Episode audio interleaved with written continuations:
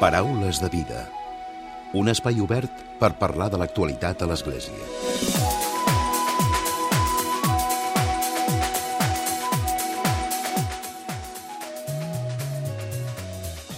Què tal? Salutacions i benvinguts a un nou Paraules de Vida. Avui parlarem de psicologia, però també d'educació. I és que us presentem el llibre Habitar recursos residenciales, trabajar donde el otro está viviendo. És un llibre de l'Òscar Martínez. Ell és doctor en Educació i Societat, és educador social i professor també d'Educació Social i Treball Social. L'Òscar Martínez ha estat també vinculat a la Fundació Pere Tarrés. Amb ell avui volem parlar-vos, com us expliquem, d'aquest llibre que té el pròleg de l'Enric Benavent, un llibre, en aquest cas, en el que es reflexiona sobre les necessitats no materials que es posen en joc quan parlem de l'habitatge. El llibre reflexiona també sobre què significa habitar un espai i viure en ell, però a més a més obre aquesta mirada a les anàlisis de les necessitats no materials que es posen en joc. Els recursos residencials són un dels espais més habituals on s'exerceixen la professió, educadores i educadors socials de diferents àmbits encara que el llibre està basat en l'experiència com a persones amb diversitat funcional, pretén sobretot generar discussió i obrir un debat eh, en els espais de treball de qualsevol altre col·lectiu. De seguida saludem l'Òscar Martínez.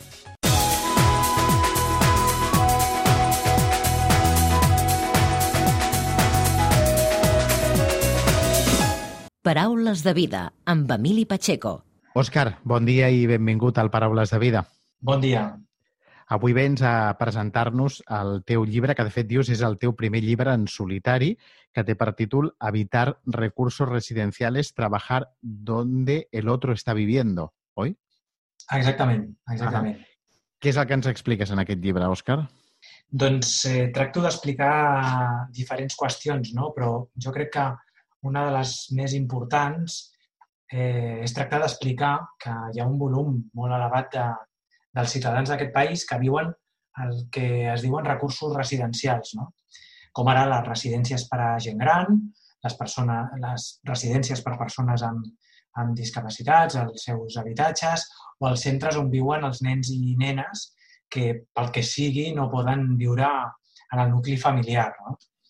I el llibre el que explica és que aquestes, que aquestes cases també existeixen i que, a més a més, si volem ser un país de justícia social, igualtat d'oportunitats, doncs les hem de tenir en compte perquè esdevinguin espais de màxima dignitat individual i no només col·lectiva.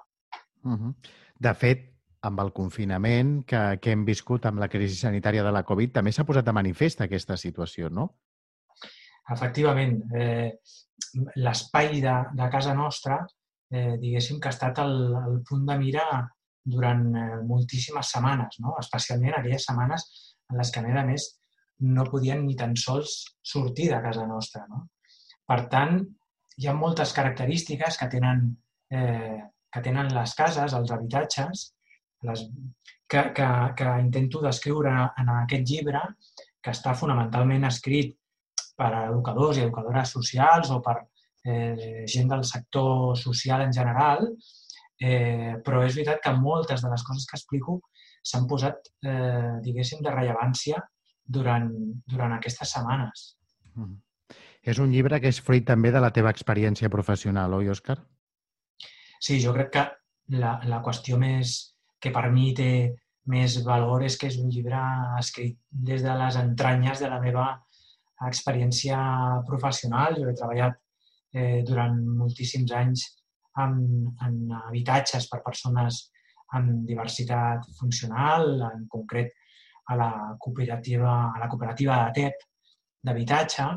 Eh, I el llibre, malgrat, eh, diguéssim, es vincula, evidentment, a la meva tesi doctoral, és a dir, és un treball eh, de molta recerca, de literatura que parli sobre això, però té una fonamentació molt, molt explícita en, en la meva experiència professional. No? Mm. Quina és la, quines són les reflexions que, que podem extreure? És a dir, vivim en el lloc en el que vivim i això com, com ens afecta? Doncs eh, ens afecta de, de moltes maneres, no? I a més a més, hi ha una qüestió que, que explica clar, al, al llarg de l'escriptura del llibre eh, he llegit molts, molts altres llibres, molts eh, articles, no? I, ja, eh, i m'he dedicat a, a llegir eh, gent que escriu sobre arquitectura, perquè són arquitectes, diguéssim, i que segurament moltes vegades està allunyada de la, de, dels territoris de l'acció social. No?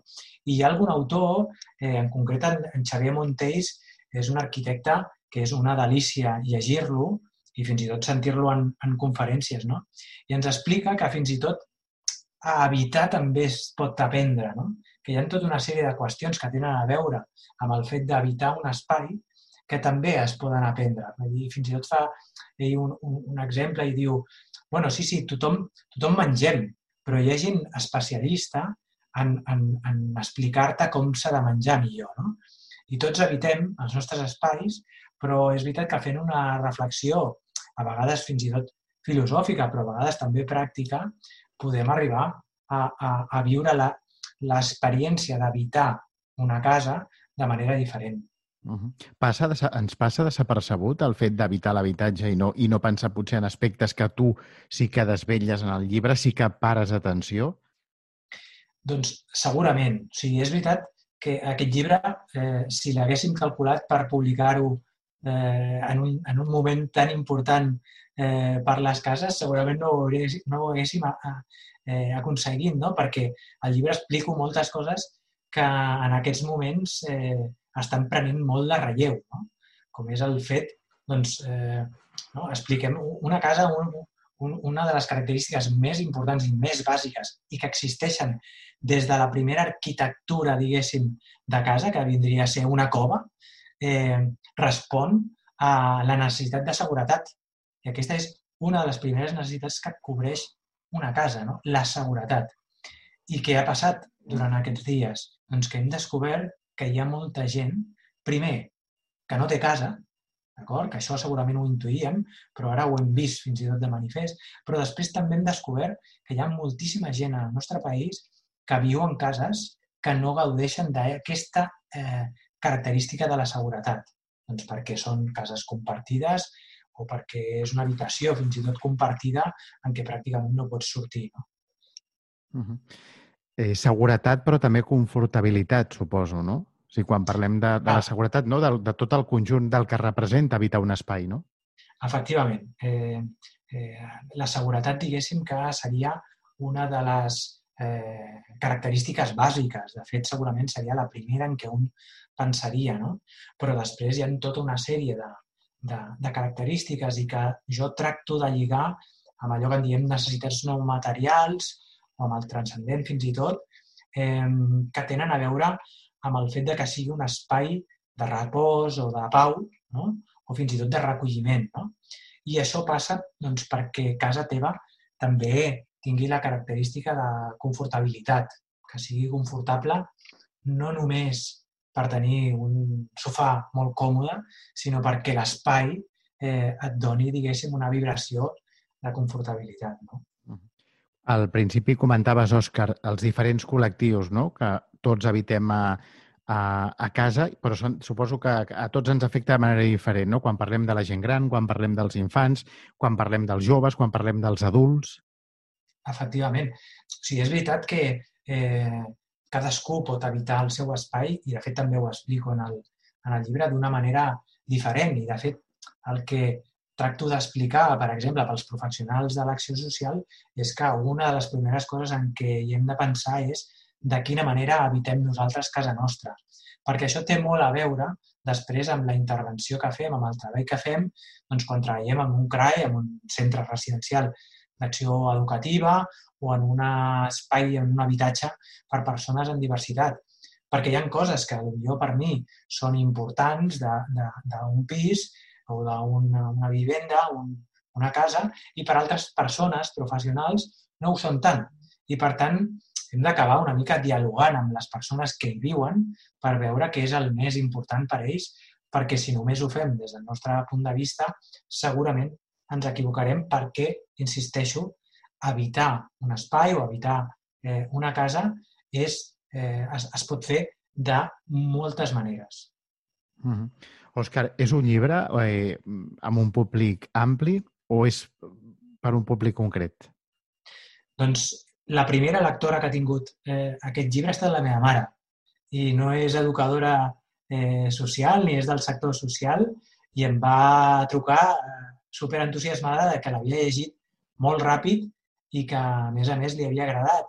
Eh, per tant, jo diria que és veritat que és un llibre que, que està més adreçat a un, a un públic eh, del sector social, però que segurament desvella moltes qüestions com això, que és eh, la seguretat, el repòs o la confortabilitat, o fins i tot el sentit de pertinença o la intimitat a casa nostra, com la percebem, doncs tot això són característiques que, que, que diguéssim, tenen totes les cases i no només les que fan referència a espais de l'acció social, diguéssim. Uh -huh.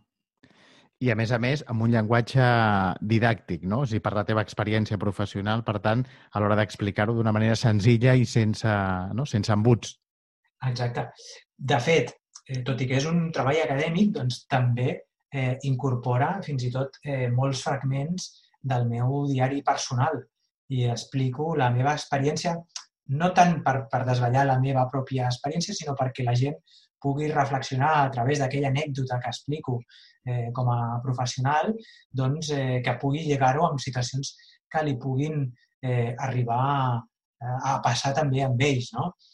A més a més, el llibre, ja sé que ho digui jo, clar, que sóc l'autor, segurament no té tant de valor, no? però té un parell de valors afegits que per mi em fa moltíssima il·lusió que els tinguin. No? Un és unes il·lustracions precioses del Miquel Fuster no?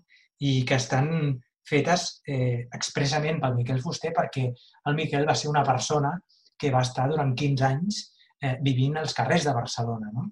I, per tant, eh, un llibre que parlava i també va fer aquestes il·lustracions per la meva tesi doctoral, perquè si havíem de parlar de cases, eh, em va semblar eh, fer, que fer un treball amb, amb un il·lustrador que justament no n'havia tingut era una qüestió molt interessant. No? I crec que aquest és un valor afegit i després també hi ha un valor afegit per mi eh, molt important, que és el pròleg del doctor Enric Benavent, eh, que és un dels principals experts en iconografia religiosa eh, i passabrisme que hi ha a Catalunya. L'hem tingut, tingut en aquest programa per parlar precisament de, dels pessebres, eh, l'Enric Benavent. Segur, mm -hmm. Segur Però... perquè en, en sap molt, en sap molt.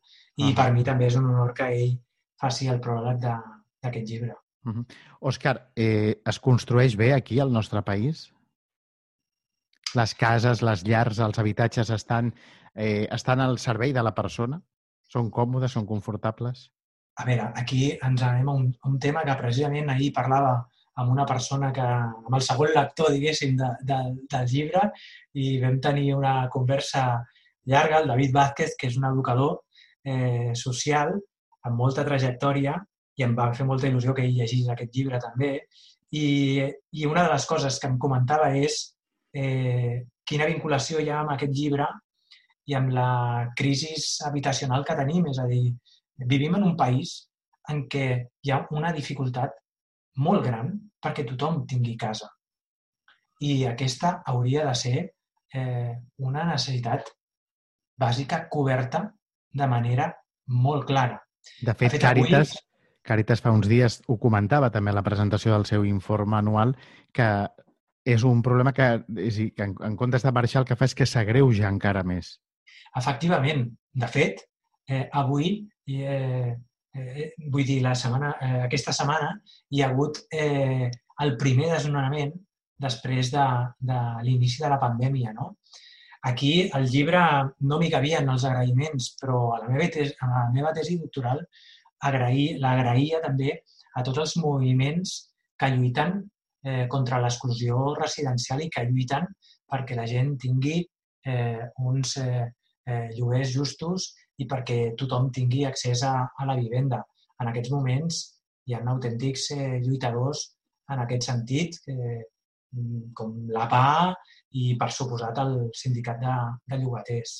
Uh -huh. Per tant, i per acabar, Òscar, és dir, la situació és complicada, no? És dir, els habitatges, eh, tenim una assignatura pendent amb aquesta crisi habitacional, però a més a més de com són els nostres habitatges, no? En general. Efectivament, eh, perquè l'habitatge és veritat que no només ha de cobrir aquesta part de seguretat, és veritat que les normatives actuals eh, fan que els habitatges que es construeixin fins i tot hagin de tenir un volum de, de, de llum eh, i, i capacitat de ventilació i aquest tipus de, de qüestions, però és veritat que la necessitat de, la, de, la, de, la, de tenir un espai on viure no està resolt i és una llàstima que l'estat del benestar, que estem en un país que se suposa que és més o menys modern i de justícia social i que això no estigui cobert. Aquesta és una qüestió que li donem moltes voltes quan fem classes eh, d'educació social i de treball social a la, a la facultat. Això ho tenim, eh, ho, ho tenim sempre eh, pel davant per poder fer aquest tipus de, de reflexions i que els estudiants que fan aquestes formacions ho tinguin molt en compte. Òscar, Gràcies per haver-nos acompanyat. Recordem el títol de, del seu llibre, Evitar recursos residenciales, Trabajar donde el otro está viviendo. És un llibre que té el pròleg, com diu, de, de l'Enric Benavent, que ens ha acompanyat alguna vegada també aquí al programa. I és un llibre que està editat per la UOC, oi? Efectivament. Uh -huh. La gent que hi estigui interessada? Doncs eh, el pot encarregar a qualsevol eh, llibreria i li portaran eh, o bé eh, comprar-lo a través de, de la web de, de l'editorial. Òscar, gràcies per haver-nos acompanyat. Moltes gràcies a vosaltres per tornar a pensar que això era una qüestió interessant d'explicar. Paraules de vida. Directe als valors. Directe a tu.